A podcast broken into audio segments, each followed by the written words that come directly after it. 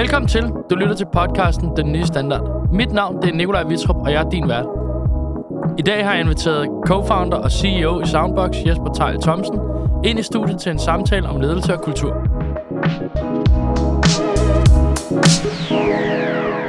Hej Jesper, Halløj. og velkommen til, til Den Nye Standard. Jo, tak. Nu har jeg jo øh, inviteret dig på baggrund af, om nogen, så har du været med til at sætte en, øh, en helt ny øh, vej for, for en hel branche. I har jo skabt nogle højtalere, som man, øh, man både kan have og elske. Jeg elsker dem jo. Jeg synes, de er for fede. Det er glad for. Så øh, kan du ikke prøve at sætte på på, øh, på dig selv, hvem du er og, og hvad du står for? Jo, jamen, øh, mit navn er Jesper. Øhm, jeg er 27 år, bor her i øh, København det meste af tiden, Mm. øhm, og er, er en af medstifterne og, og direktør i øh, virksomheden Soundbox, som jo beskæftiger sig med at, at skabe højtalere, øh, men generelt også set øh, bare fede oplevelser og frirum Fedt. til, øh, til alle, der bare har brug for en, en, en afbræk fra hverdagens øh, stress og ja. Fedt. Og så har du kastet dig ud i, at øh, du er lige, lige, pludselig blevet, øh, blevet hele ansigtet på, hvis man laver larm i København. Så er du lige pludselig blevet... Øh, så, er det, så er det din skyld. Simpelthen, det er mig, der larmer. Det er altid... Alle, alle soundbox i Danmark, det er faktisk dig. Det er faktisk mig, der står med dem. Det er faktisk dig. Det, det, det, det, det, man ikke, det ved man jo ikke rigtigt, men det- det, der, der er mange af mig. Det er det. Jesper, skal vi ikke lige prøve at hoppe øh, hurtigt tilbage, bare lige øh, til hele startskuddet, hvor I startede med Soundbox? Og, øh, og, fordi i dag kender de fleste jer jo, men, men hvordan var det, I kom i gang? Jeg hørte noget med Roskilde-historie, som du garanteret har fortalt øh, så mange gange. Yes. Jamen, øh, jo, hele historien starter jo tilbage i sådan noget 2011, så for snart 11 år siden, hvilket er rimelig fucked up, når jeg er 27 år. um, men i 2011 skulle jeg på Roskilde Festival første gang. Jeg var 16 år på vej ud af folkeskolen, og, og, og fandt hurtigt ud af, at hvis man skulle have den bedste camp og de bedste fester, skulle man have den bedste højtaler. Så jeg tænkte, det skulle jeg da lære mig selv at bygge. Ja. Så øh, jeg gik på nettet og øh, lærte mig selv noget simpelt akustisk og elektrisk, lad os kalde det ingeniørkundskab, Ja, tak. og, og slå en højtaler sammen. Um, og kunne huske, jeg var egentlig meget godt tilfreds med den, men øh, synes, den spillede meget godt, men, men tog den så med på festival, og, og jeg tror, den holdt sådan cirka 20 minutter der, indtil der var nogen, der spillede nul ned i den. Den, døde og aldrig rigtig kom tilbage til liv igen.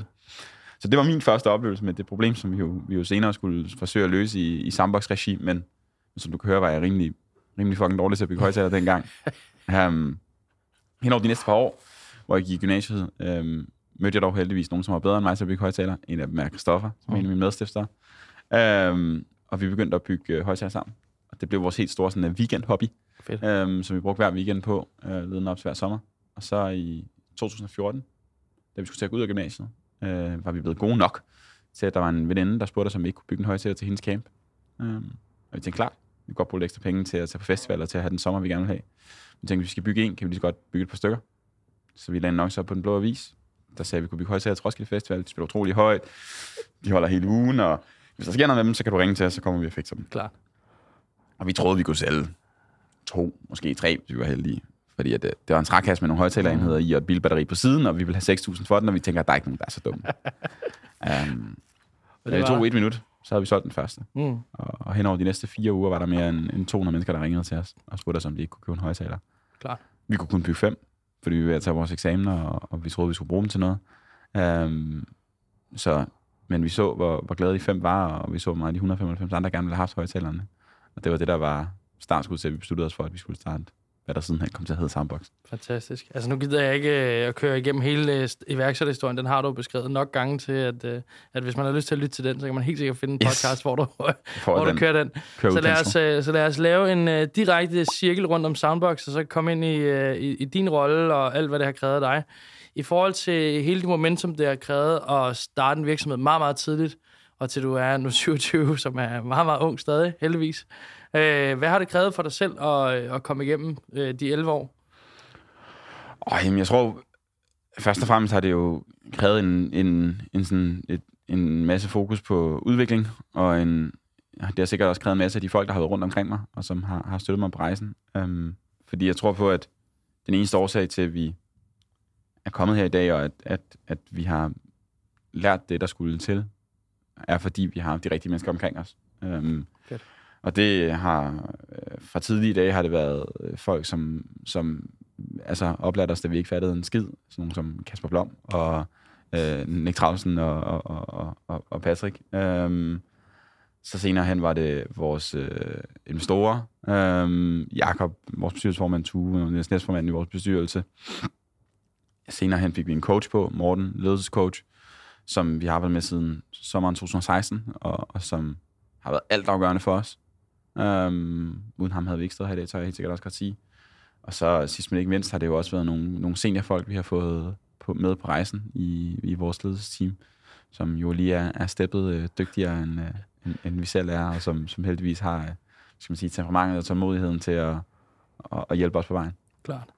Skal vi hoppe over i en øh, ledersnak omkring dig? Fordi du har jo gået forrest, øh, i hvert fald øh, udad til. Nu ved jeg selvfølgelig ikke, hvordan I har bygget hele kulturen. Det kan du måske også sætte på over på først. Hvordan kulturen er i Soundbox, og hvad I har prioriteret osv. Jamen, kulturen i Soundbox er meget... Vi har tre værdier. Øhm, de hedder Always Aspire, Be Brave og, og Champion Community. Og for os handler det i virkeligheden som tre ting. Altså Always Aspire handler om, at man, man altid skal ønske at blive bedre. Det er lidt sådan det, det ikke, handler ikke så meget om en sådan performance-ting, men det handler mere om det der med at sætte ambitionerne højt, og at vi mm. altid gerne vil mere end der, hvor vi er i dag. Klar. Be Brave, synes jeg er virkelig en kerneværdi for os, som handler om det her med at være sårbar, ærlig, øhm, og, og turde være i en, i en, i en konflikt, og, og, og turde tage sit hele jeg med på arbejde, selv når det er svært. Øhm, og så Champion Community er, er at sætte fællesskabet højere end individet, og det, det er en ting, vi altid har gjort. Og det synes jeg også siger meget godt om, omkring, hvordan øhm, kulturen er i Sandbox, fordi kulturen i Sandbox er slet ikke øh, drevet af mig. Ja. Øhm, jeg kunne forsvinde i morgen, og så ville kulturen stadig fortsætte, Fedt. som den var. Øhm, fordi vi har taget et, aktivt valg om, at det skal ikke være øh, founder-board. Man skal Klar. ikke have særlige privilegier, fordi man er founder. Klart. Øhm, så det, det er drevet af, af hele organisationen. Klar. Øhm, det skal der ikke have nogen tvivl om. Og, og jeg synes, vores, vores, ja, hvis jeg skal sætte et par ord på vores kultur, så er det, at den er ambitiøs, sårbar, øh, og fællesskabsdrevet. Fedt. 100%. Hvordan har du øh, som leder gjort det? Fordi det, det kan godt være, at man har tænkt ind som en founder, ikke founderbordet kultur, men det kræver jo også en founder, der tør at sige, at for at komme derhen, der skal der jo laves en masse skridt. Ja. Hvad har du gjort for at få det til at lykkes? Oh, jamen, jeg tror, det har været en... Jeg tror, noget af det, vi gjorde i et relativt tidligt stadie, var, at vi, sådan, vi, vi, vi afmonterede foundergruppen som beslutningsenhed, mm. og, og så satte vi bare et ledelsesteam øhm, hvor man var med. Der var også founder med, men, men der var også andre, og founderne var, var med i det, ikke bare fordi de var founder, men fordi at de var den bedste i den rolle, mm. de var i. Klar. Og det tror jeg sikrede, at, at, at bestyr, eller beslutningerne fra, fra tid, sådan OK tidlig stadie, øhm, og hvis jeg ser tilbage nu, vil jeg gerne have gjort det endnu, endnu tidligere måske, blev taget ikke af bare dem, der havde startet virksomheden, men blev taget af dem, der var mest, øh, blev taget af dem, der var bedst klar til at tage de beslutninger. Klart. Um, ja, det tror jeg. Fedt.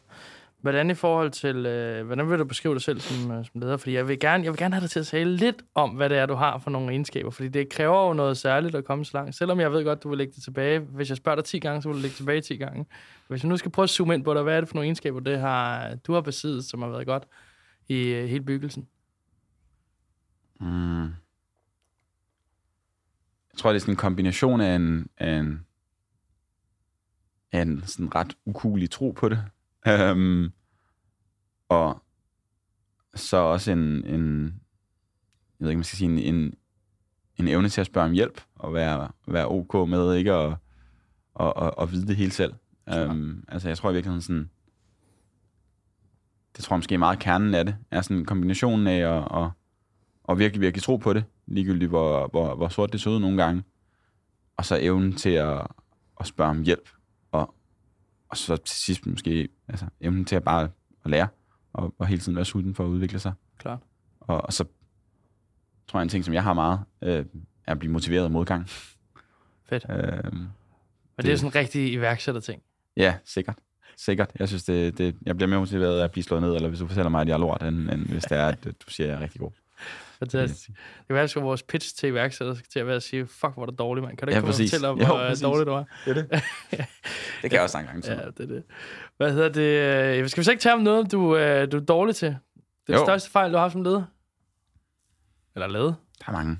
Øhm, jeg synes, som leder, så synes jeg, at den største fejl var, at øh, jeg på et tidspunkt lavede øh, to ansættelser til mit ledelsesteam, som, som udad til var fantastiske. Altså hvis der du kigger på deres CV, så tænker du, hold da kæft. Shit, mand. Nogle mm. vilde ja. rekrutteringer. Mm. Um, det var tilbage i 2018. Um, de var virkelig, virkelig seniorfolk. Kom fra ledelsestillinger i langt større firmaer. Men de passede ikke ind hos os. der var nok ikke, der var ikke rigtig noget galt med dem som personer. Um, de var sådan så rigtig gode uh, mennesker, og rigtig, rigtig dygtige til deres jobs. Ja. Men de var for senior til, hvor vi var. Ja. Det gjorde, at de, uh, at de var for langt fra gulvet. Var det altså, kulturmismatch? Nej, men ikke så meget. Det er måske mere bare et sådan niveau-mismatch. Altså sådan, og med det mener jeg, at de var simpelthen for langt fra gulvet, og havde ikke, øh, altså fik ikke deres øh, fingre beskidt nok. Um, og altså, havde for meget fokus på at lave powerpoints og, og sætte en strategi, som nogle andre så skulle eksekvere. Um, og det tror jeg jo gjorde, at A, det var skidt for deres teams, men det var endnu værre, fordi at vi var uerfarne og dumme.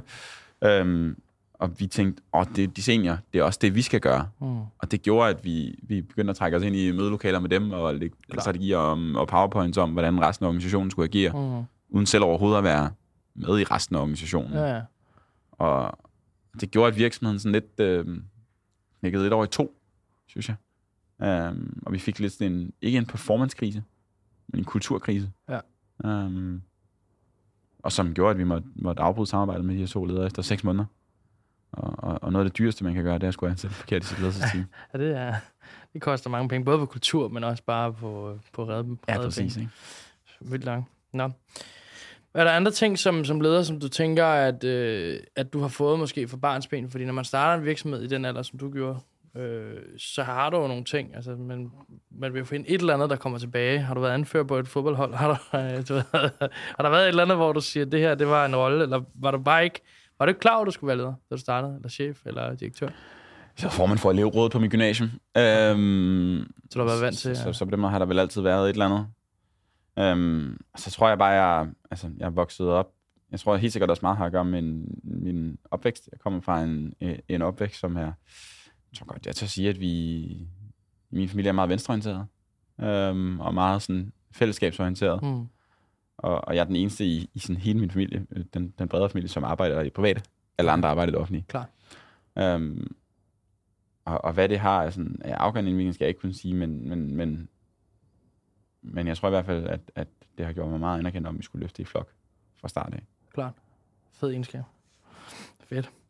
Nu øh, starter jeg jo op med det der med, at du, øh, du er lige pludselig blevet øh, ansigtet på problemet, vi har i København med larm og sjov blade. Og jeg har jo ikke et problem med det. Øh, jeg, min holdning er jo relativt simpel, at hvis man har valgt at bo i København, så har man også valgt at få det der, jeg vil kalde det liv, nogen vil mm. kalde det støj, jeg vil kalde det liv. Men hvordan er det sådan at blive reelt set relativt kendt på, at være en del af den offentlige debat på ikke den positive side, fordi ja. det er jo, alle strøm er jo at være ude og fortælle om, hvor godt det går, og hey, se også. Og den har du selvfølgelig. Men du fik også bare lige lov til at... Øh... Ja, altså jeg tror, det er vigtigt at sige for det første, at der er meget stor forskel på sådan på liv, og så det støj, som, som nogle folk oplever. Mm. Og det tror jeg er vigtigt for os i, og for mig at sige, at, at det, som dem, der bor på Islands Brygge, for eksempel har oplevet i løbet af de seneste par år, mm. er, er, er ikke okay. Og er ikke noget, som, som jeg selv vil have, øh, altså sådan, som jeg, jeg, jeg kan stå inden for. Og det, jeg synes, Københavns Kommune burde have rykket ind langt tidligere, mm. og virkelig bare lavet et forbud. Ja. Altså sådan, mere komplekst er det ikke. Mm. Øhm, så er der helt sikkert nogen, der brokker sig mere end, godt være nød, mere, mere end hvad nødvendigt er. Mm. Og, og dem, dem, det er jeg enig i, der skal de måske også acceptere, hvor det er, de har valgt at bosætte sig, men der er helt sikkert også nogen, der bliver udsat for noget, som, som ikke er okay. I forhold til, hvordan det er at være en del af det, så, øhm, så var det mega udfordrende i starten. Øhm, det var pisse hårdt i starten, fordi at øh, det, A, det kom lidt som en overraskelse, det kom lidt som en syndflod lige pludselig. Øhm, og vi havde måske ikke alting helt på det rene på vores side. Øhm, ikke af ond vilje, men fordi da vi startede Soundbox, så var det jo meget en festivalhøjtaler. Mm. Og derfor så markedsførte den vi jo som, at man skulle bruge den på festival. Ja. Og på festival er der ikke nogen, rigtig nogen naboer, man skal tage Nej. sindssygt meget hensyn til. Og der, der er det cool ligesom, at, at der, der skal man lidt markedsføre den på, når den kan spille fucking højt, den mm. kan holde hele natten, og du ja. kan feste hele ugen, Præcis. og altså sådan noget der. Og der tror jeg, at Soundbox voksede hurtigere, end det, vi forventede. Mm. Og der var vi ikke hurtige nok til at tilpasse vores marketing til det faktum af, at lige pludselig stod der en på, på hvert gadehjørne og en i hver park. Klar. Og derfor så indarbejdede vi ikke hensyn øh, tidligt nok ind i vores kommunikation til vores kunder, og vi fik ikke den her, hvad skal man sige, de her ekstreme use case ud af vores marketing hurtigt nok. Mm. Og derfor var det også enormt svært at komme ind i den her debat, også fordi, at der var en lille smule dårlig samvittighed, skal jeg være ærlig at sige. Mm. Øhm, den dag i dag, har jeg intet problem med det. Mm. Fordi jeg kan stå 100% inden for det, vi gør. Klart. Og jeg synes, vi står på den rigtige side af debatten. Klart. Og, og jeg har, jeg ved, at jeg er i min dialog med kommuner, og i min dialog med brugere, og i min dialog med folk, som oplever de her ting, ved jeg, at jeg synes, at jeg gør det rigtige. Så jeg kan stå 100% inden for det, vi gør den dag i dag. Og jeg har man stolt over det. Fedt. Jeg havde jo, øh, jeg så på LinkedIn, der havde du lagt, øh, jeg vil næsten kalde det et ikonisk billede op fra, øh, fra fejringen i sommers, hvor ja. der står sådan en helt uh, kæmpe folkemængde i alle sammen røde trøjer, og så står der en, der har smidt sin soundbox over hovedet, Ja. en rød soundbox over hovedet, og så er der bare folkefest. Og det var det, den var tænkt til. Præcis. det var jo fedt at se. Ja, præcis. Der var jeg sammen også glad, da jeg så den. Det kan jeg fandme godt forstå. Det er jo marketing. Og det er jo også et eksempel på, hvad, altså, hvorfor det er, at vi ikke skal lukke totalt ned for Mm. fest og Præcis. øh, altså, liv Præcis. i gaden i vores byer. For der kan være nogle fantastiske oplevelser med det. Ja. Vi skal bare identificere de steder, hvor der er kontinuerlige problemer, og så skal ja. vi slå hårdere ned der. Klart. Så skal vi slappe mere af andre steder. Klar. Klar. Har I selv skabt problemer? Nej, der er to andre højtalerfirmaer, der lancerede samtidig som os. Hvis ikke Okay. vi havde været der, så havde der været et andet firma. Okay. Det er der ikke nogen tvivl om. Så livet i byen, og de unge i byen, og dem, som godt kan lide at feste i byen, de har gjort med det handler meget. Ja, vi er resultatet af en kultur, Klart. som er udsprunget på Roskilde Festival, og som der har udviklet sig derfra. Den var udviklet sig uagtet, om, om vi havde gjort det eller ej. Giver mening. Jeg kører den. I forhold til, øh, nu rører du lidt ind på, øh, altså, du er jo lidt politisk, kunne ja. Jeg jo mærke på, øh, på det svar, du kom med der. Ja. Så lad os lige hoppe over i øh, dit øh, nyeste projekt, du øh, deltager aktivt i, som ikke er Soundbox. Yes. Så nu hopper vi lige væk fra, fra alt det kommercielle, og så lige Yes. tilbage i, øh, i en, en mærkesag, kan jeg vel kalde den. Ja, absolut. Saga. Kan du ikke fortælle en lille smule om det? Jo. Saga er et nyt projekt, som jeg har startet sammen med, med tre andre øh, unge. To af dem iværksættere, en, en af dem er fra corporate-verdenen, øhm, som er en, en ny form for, hvad skal man sige, sådan politisk struktur, som skal forsøge at få flere unge engageret i vores øh, demokrati, Mm. og at få forstærket ungdommens stemme i, øh, i vores demokratiske debat. Og det synes vi er hammerende vigtigt, fordi at, øh, vi er i en situation i Danmark nu, hvor vi har en, en demografisk udvikling, hvor vi lever længere, og vi føder færre børn. Og det vil sige, at øh, over halvdelen af stemmerne, de er hos stemmer 50. Ja. Og unge under 30 år har kun øh, 18 procent af stemmerne. Og det gør, at, at vi ser, at der i stigende grad bliver udviklet øh, politik på øh, de ældres præmisser, og ikke på de unges præmisser. Klart. Senest er med udflytningsreform, er der noget på alkohol. Øhm, der er nogle forskellige steder, hvor vi er. Vi godt kan se, hvor det er, at øh, Socialdemokratiet og, og de andre partier prøver at bejle hen, og det er i hvert fald ikke til os unge. Klart. Og man glemmer, at man selv har været ung. Ja, og det er både, der er både en ting i at, at tale til de unge, men der er også en tid, ting om, at en politik for ungdommen er en politik for fremtiden. Mm. Øhm, og hvis det er, at vi er for kortsigtet i vores politik og den måde at- bygge rammerne for vores samfund på, så er det enormt farligt. Vi kan tage sådan en krise som klimakrisen, hvor at, øhm, hvis det er, at vi ikke gør noget, så øh, kommer dem, som sidder på stemmerne nu, de kommer alligevel ikke til at mærke noget til det. Nej. Men hvis det er, at vi skal gøre noget nu, så kommer de til at mærke noget til det. Så Mm. kommer der til at være en nedgang i livskvalitet og en øgning i pris. Præcis. Og det gør, at politikerne er langsomlige om at tage fat i de her ting. Mm. De, de, de tøver med det. Klart. Den køber jeg 100% ind i. Hvordan, øh, nu har du en, en relativt travl hverdag, vil jeg våge påstå udefra set. Hvordan øh, har du tænkt, at du ved siden af dit direktørjob i Soundbox lige øh, kan hive tid også ud til det her? Er det bare passion, der driver det, eller har du... Hvordan, hvordan fanden har du fundet tid til det? Ja, det er, altså, det er meget passion. Øh, så i går kørte jeg Soundbox fra 9 til 18.30, og så havde jeg to møder med Saga fra 18.30 til 20.30. Sådan. Så er du stadig Øhm, iværksætter? Ja, ja, ja. øhm, og så, er- men så er det jo også, fordi jeg skal ikke drive den daglige drift i, i Saga. Nej. Øhm, så vi har ansat en sekretariatsleder, som starter her 1. april, øhm, og som skal ligesom drive den daglige drift, og så skal jeg være mere et, et, et aktivt bestyrelsesmedlem, Fedt. så at sige. Ikke? Fedt. Ja, så du skabte dit egen øh, lille legeplads, hvor Det- I kan, kan gøre en masse gode ting. Det håber vi på. Hvad, øh, i forhold til hele det her med at skulle gå ind i noget politik, øh, nu har du været formand for elevrådet, var det det, du sagde? Ja. Er det, altså, har politik været noget, der har drevet dig, eller er det bare sådan, du, du, det er blevet, efter du er blevet skubbet ind i alt det her debat, der har været offentligt, er du så blevet skubbet mere hen mod politik, eller er det været, altså fordi... Det har altid været en stor interesse. Okay. Altså igen, jeg, jeg, jeg vokset op i et hjem, hvor det har fyldt meget. Okay. Øh, skal der ikke være nogen tvivl om. Øh, det har fyldt sindssygt meget. Og så tror jeg bare, i stigende grad er der, er der, er der flere ting i vores samfund, som jeg er, er vred over, som jeg er indigneret over. Øhm, som jeg fandme gerne vil gøre mit til at ændre. Klar. Det øh, Du synes også, jeg ikke, jeg kunne vente med længere. det er også fair. Du er også begyndt at... Jeg så, du har også været i debatten og alt muligt, øh, inden Ja. at komme, komme i det her projekt her. Hvordan, øh, hvad er projektet om et par år? Hvad, hvad, hvad er din forhåbning ved projektet? Hvad skal der, hvad skal der ske med det? Jamen, om et par år er vi, øh, er vi altså, uden tvivl Danmarks største ungdomspolitiske organisation, og vi har fået formået at skabe en, en ny form for sådan politisk engagement, som gør, at vi har fået fat i en langt bredere ungdom, så der lige pludselig er, er en normal ting at engagere sig i, i politik. Ikke nødvendigvis i politik som helhed, men i enkelte forslag Mm. og enkelte mærkesager.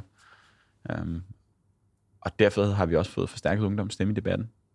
Og vi har bevist, at, at, at man, skal ikke bare, øh, man kan ikke bare føre politik på vores vegne, uden at høre os. Som vi for eksempel lige nu har gjort med en udflytningsreform på universiteter. Um, og så vil jeg føre det forhåbentlig også til, at vi får lavet noget bedre, langsigtet politik for Danmark og for verden. Så du ikke øh, får et forbud mod, at man siger, at alle, der er født efter et specifikt årtal, de må ikke købe en smøg? Nej, det er jeg ikke. Det er jeg ikke. Nej. Jeg tror også, det var en af de der luftballoner, man sendte op for at lige teste af. Ja. Kan, kan vi... Nej, okay. Så det rører vi ikke ved alligevel. Øhm, hvor meget uddannelse har du? en gymnasie. Og så læste jeg et års matematik under corona, fordi jeg kedede mig. Okay. Um, så det er sådan det. Hvordan, når du, øh, når du ansætter og har sat teamet, fordi nu er det jo meget teambaseret, det du, ja. som du, du arbejder ud fra. Hvor meget fylder det, når du, når du slår op? Nul. Ingenting. Klar. Hvad ansætter du efter? Tre ud af fem mennesker i mit ledelsesteam har ikke noget, nogen uddannelse. Um, hvad ansætter jeg efter? Mm. Um, det kommer meget ind på rollen, skal jeg være ærlig at sige. Klart. Um, fordi, at, øh, lad mig give et eksempel. Hvis det er, at du skal ansætte en CFO, så i en virksomhed som vores, så kan du ikke tage en chance at ansætte en, en, en, ung øh, øh, kvinde eller mand på, på 26 eller 28, som ikke har den nødvendige erfaring. Der er simpelthen for stor risiko i det. Mm. Um, og der bliver du nødt til at, være, at finde en, der har en sådan proven track record. Mm. Um, så der ansætter jeg jo utrolig meget, selvfølgelig efter, efter kvalifikationer. Um, men så ansætter vi også sindssygt meget efter personlighed og kulturfedt og mentalitet. Så da jeg skulle ansætte min, min CFO Michael, som er fantastisk, så øh, interviewede Hans, og jeg, Hans, har været med siden dag et, og han er min sådan, chief people officer. Fedt. så det er ham og jeg, der laver rekrutteringerne til ledelsesteamet sammen. Tak. Um, vi interviewede 18 CFO's. Um, sorterede 16 fra på grund af kultur. Okay. Um, havde to, som vi synes var, var, var, havde potentiale til at være virksomheden. Um, og det er det samme, vi, vi, vi gør nu, at, at, at i ledelse, så går vi sindssygt dybt på, når vi skal rekruttere til ledelsesteamet, går vi sindssygt dybt på kultur. Ja. Så kigger vi på deres CV, og så giver vi dem også en case, som ser, om de tænker på samme måde som os Okay. um, omkring tingene. Så andre steder i organisationen vil jeg langt mere ansætte efter, altså at kigge efter talent. Klar. Jeg har lige ansat en, øh, en, en ny, eller rykket en over fra et andet sted i virksomheden, over til at, at skulle være vores sådan, support i ledelsesteamet. Klar. Så er en vigtig rolle, hvor man tager med i alle ledelsesmøder, man tager med i bestyrelsesmøder, man koordinerer indsatser på tværs i ledelsen og, og ud i hele organisationen. Klar. Ja, hun, hun er vel 23. Um, og det er helt sikkert en rolle, som man mange andre steder vil have ansat en, en, en ex-McKinsey-person på 28 eller 30 år til. Klar. Men hun er fucking arbejdsom og er Fedt. mega dygtig. Fedt. Um, og der, der handler det lige så meget om mentalitet og en, en vilje og et ønske om at lære. Um, Klar. altså, hun kom, kom til mig flere gange i løbet af årene og har sagt, jeg har et big business spørgsmål. Og så et spørgsmål omkring noget sådan ret teknisk om noget egenkapitalfinansiering. Ja, og sådan ja, ja. noget. Det viser jo bare en vilje Præcis. og et ønske om at lære. Og så det kombineret med en arbejdsomhed, så er der jo noget, som, som man har lyst til at investere ind i. Klart. Hvor mange øh, mennesker er det ansat i Soundbox i dag? Jeg tror, vi er mellem 100 og 110.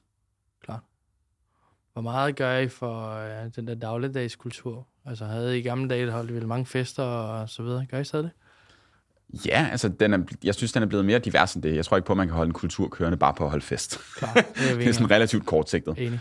Øhm, altså, men der er sindssygt mange sociale aktiviteter. Fedt. Det er blandt fest. Aha. Øhm, men også, altså, hvis du kigger ned i vores, øh, i vores øh, kantine, øh, man siger, under en frokost, så er der nogen, der sidder og, og spiller skak. Gjorde jeg selv i går med frokosten. Er du god til skak? nogle- Jeg kan godt lide at spille skak. øhm, så er der nogen, der sidder og spiller backgammon. Så er der nogen, der sidder og spiller Magic-kort. Ja. Altså sådan meget blandet. Fedt. Øhm, og vi har også en svømme- og saunaklub. Vi har dansk undervisning for alle vores medarbejdere. Øh, Vi har 25 nationaliteter, så på den måde er der også rigtig mange udenfor, og, og langt hovedandelen af dem snakker ikke dansk, men, men vi har gratis dansk undervisning til dem, hvis de gerne vil lære det. Øhm, ja, så vi har utrolig mange sociale aktiviteter.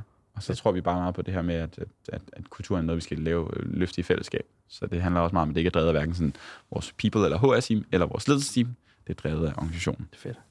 Hvordan øh, under corona, hvordan havde I hele ledelsen der? Altså, fordi det er jo kører relativt remote, plus I har et team over i USA også og så videre. Hvad havde I af problemer og udfordringer der? Jamen det er klart, det var mega udfordrende, når corona lige pludselig skulle, skulle lede øh, digitalt. Især når man har en kultur, der er så sådan, jeg vil sige, fysisk vores som vores. Altså Præcis. sådan, vi er ikke øh, remote. Øh, vi tror på at, at, at, at være sammen og kunne lægge armen om skuldrene på hinanden. Mm. Mm. Selvfølgelig også, at man arbejder hjemmefra nogle dage om ugen, hvis det er det, man har lyst til, men, men at man også er sammen. Så vi prøvede jo at lave så mange øh, aktiviteter digitalt, som vi kunne, og, og sende små overraskelser hjem til folk, mm. og Fedt. køre virtuelle fredagsbar. Men altså, det bliver sgu aldrig det samme. Nej. Det vil jeg Klart. sige. Så vi er bare glade, at vi kunne komme retur til kontoret. Ja, det kan jeg godt forstå.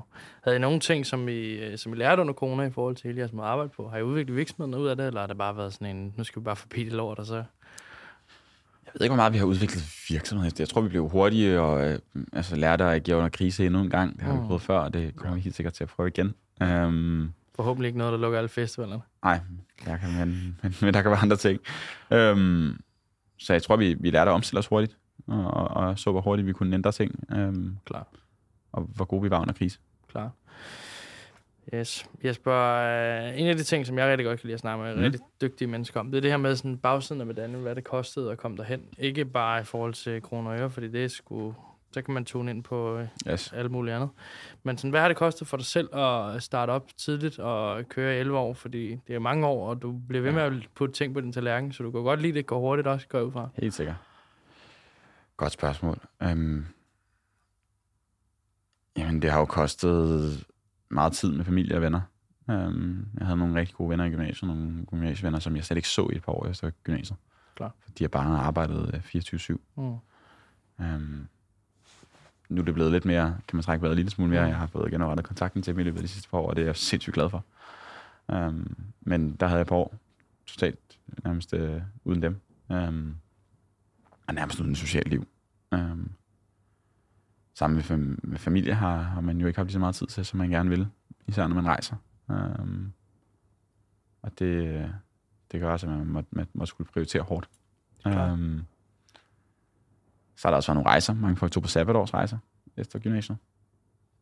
Det gjorde vi ikke. Nej. Uh, der arbejdede vi. Ja. Um, og så tror jeg da også, der har været en periode, jeg tror, når jeg kigger tilbage til noget 2016-2017, så tror jeg, vi var syge af stress. I, var, I havde stress? Ja, det tror jeg. Um, har overhovedet hele perioder, jeg kan huske, og hvor jeg øh, altså, ved, ved, at maden ikke smagte noget, og alle sådan nogle ting. Um, og det var sindssygt hårdt.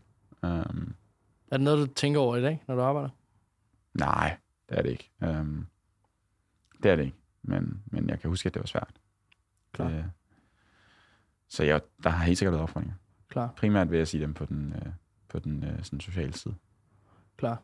Og mentale, hvis man er, Ja. rammer ind i stress. Ja, præcis. Jeg synes heldigvis, vi kom, kom over det, ikke? Så, så det er ikke fordi, at jeg, det er noget, jeg døjer med i dag, sådan for alvor. Klar, det er fandme, øh, det er godt. Hvordan i forhold til, til hele den rejse, som du har haft, hvad har været den hårdeste periode? Har det været det, der var stress, eller har det været, der I skulle omstille eller har det været opbyggelsen, eller har det været, hvad- altså hvor, hvor ser du tilbage og tænker, her var det, var det make it or break it for dig? Jamen, det var i sådan noget... Vi kørte en Kickstarter i, i marts 2016, som gik rigtig, rigtig godt. Så 1.500 højtaler på en måned. Efter det besluttede vi os for at dele til 10.000 højtalere. Det gjorde vi uden virksomheden på nogen måde var klar til det. Produktionen var ikke klar til det, organisationen var ikke klar til det. Og det slog næsten virksomheden ihjel. Øhm, og det tog, os, det, det, det tog os 18 måneder at komme ud af. Øh, og de 18 måneder var sindssygt hårde. Fordi det var med at møde ind på kontoret hver måned den 20. og tænke, hvordan fanden skal jeg betale løn den 30. Klar. Og det var at se, okay, når den her øh, faktura er- kun på første rykker, så skal den stadig ikke betales endnu. Klar. Øhm, og ringe til leverandør og sige, hey, vi kan desværre ikke betale. Igen. Øhm, præcis, igen. Så der var virksomheden til på at dø. Så var til på at dø hver måned i 18 måneder i træk. Så det var ikke let. Ej, det er ikke en, uh, en sjov rejse. Nej. Men det er også en lærerig rejse. Er det noget, altså, alle de der ting der, fordi for mig er det jo meget med, at mennesker bliver formet af, af pres, de bliver ikke så meget formet af alt det, der går godt. Alt det, Mm. der går godt, er jo nemt. Ja. I bund og rundt, når, det, når du står på en festival, lærer du jo ikke sådan ret meget om det, medmindre det virkelig sejler. Ja, ja. Øh, men har du, ikke, har du ikke taget noget af det med videre, både i din måde at være på som menneske, men også ledelsesstil og så videre? Jo, det er jeg helt sikker på. Det er jeg helt sikker på. Lige præcis hvordan har jeg svært ved at sætte fingeren på, men jeg er ikke... Altså, jo, der har været sindssygt mange læringer, og vi er gode under krise, fordi vi har levet meget lang tid i krise. Ja, ja. Ja, øhm, skal jeg ikke have nogen tvivl om. Klart. Og så tror jeg også bare, at det igennem sådan noget, så opbygger man tillid. Det skal jeg ikke have nogen tvivl om. Og, og Christoffer, som øh, vi er jo tre stifter i alt, øh, stoppede virksomheden for to år siden. Christoffer, som, som, som stadig er det den dag i dag, øh, er jo det menneske, jeg soler på mest i verden. Ja, det er altså, øhm, det skal der ikke være nogen tvivl om. Nej, nej, vi ved, hvor vi har hinanden. Præcis. Hvordan, øh, sådan rent personligt for dig, når, hvor mange rejsedage har du om året, tror du lige? I, i, Oh, det er jo svært, der har været corona. ja, præcis. Men hvad er planen? Hvad skal det... Ikke lige, slet ikke lige så mange, som jeg havde engang. Klart. Det kommer vel til at være, hvad skal jeg til USA? En, en seks gange om året. Sådan Klart. den stil, som så har en uges tid hver gang. Klart, og det er Så- LA, ikke? Så det er ni Ja. timer... Øh, Ja. ja, man omstiller sig bare ikke. Når man kører en uge derover, så omstiller man sig bare ikke. Så arbejder man bare mere, så sover man mindre. Så kan man få indhandlet lidt. jeg var i New York her for ikke så længe siden. Der var der også... Men det var 6 timer ugen. Det er en Ja. helt anden tidsforskel. Ja, ja. 6 timer er ligegyldigt. Præcis. Men 9 timer, den er slår ud. Og det er umuligt, fordi hvis du skal bruge en eller anden fra kontoret i Danmark, så skal du jo fandme til at stå op rigtig tidligt. Jamen, jeg var i USA i to måneder her, hen over januar og februar. Der var mange dage, der startede klokken 5 om morgenen. For at få For- lov til at få en time eller to. For at kunne bruge et par timer med kontoret. Fedt. Hvordan, øh, er der noget, som du ville have gjort anderledes, hvis du skulle have startet øh, Soundbox i dag? Jeg vil tage det mere roligt, tror jeg. Klar. Ikke stress over, at det skulle gå så hurtigt. Klar. Så tror jeg, jeg kunne have haft et par bedre år i 2016 og 2017. Klar. Men det er jo også, øh, nu hvor du er kommet så langt, så er det også nemmere at kigge tilbage til at se, hvor meget overskud man egentlig har, fordi man er blevet dygtigere. Helt sikkert. Men jeg tror, jeg tror stadig, det har været bedre for virksomheden og for mig personligt, hvis vi ikke havde stresset helt så meget. Det er det. Hvad driver du? Driver du virksomhed via mavefornemmelser eller teorier? Langt mere en, en kombination, tror jeg, men mere mavefornemmelse nok. Klar. Og ved at snakke med kloge mennesker, der er klogere end jeg selv, så sammenstykke alle de ting, de siger til en retning, som føles rigtig for os. Klar. Fedt. Det, er- Fedt. Hvad skal fremtiden for Soundbox være? Hvad, jamen, øh, nu sidder vi her en onsdag den, hvad er det i dag? Det er den 23. 23. Og i morgen teaser vi et nyt produkt. Fedt. Så det bliver spændende. En mindre version. Soundbox Go, som kommer ud på tirsdag. Um, så lige nu er det store fokus på den. Fedt. Og, og den fortsatte internationalisering. Så det er spændende. Så nu skal I til at indtage poolområderne også? Ja, simpelthen. Simpelthen. Jamen, den her den er også god hjem og kontor og sådan noget, så Fedt. det er bredere. Fantastisk. Hvordan, øh, Jesper, i forhold til øh, din egen, øh, din egen fremtid, hvad bringer den? Er ambitionen at arbejde mindre, eller er ambitionen at arbejde mere effektivt, eller hvad? Jamen, det ved jeg ikke. Jeg tror ikke, den er nødvendigvis at arbejde mindre, eller, altså, jeg tror, den er helt sikkert at arbejde klogere. Um, ja, det vil jeg sige. Um, men de næste mange år byder helt sikkert på Soundbox. Klart. Så du skal med på væksteventyr stadig? Det skal Fedt. Der er, der er et par planer, jeg gerne vil øh, føre ud i livet Fantastisk. på den front. Fantastisk. Jesper, øh, jeg tænker, lad os prøve at holde den her, og tusind tak, fordi det. du, øh, du deltog, og Selv held og lykke med Sandbox Go. Tusind tak.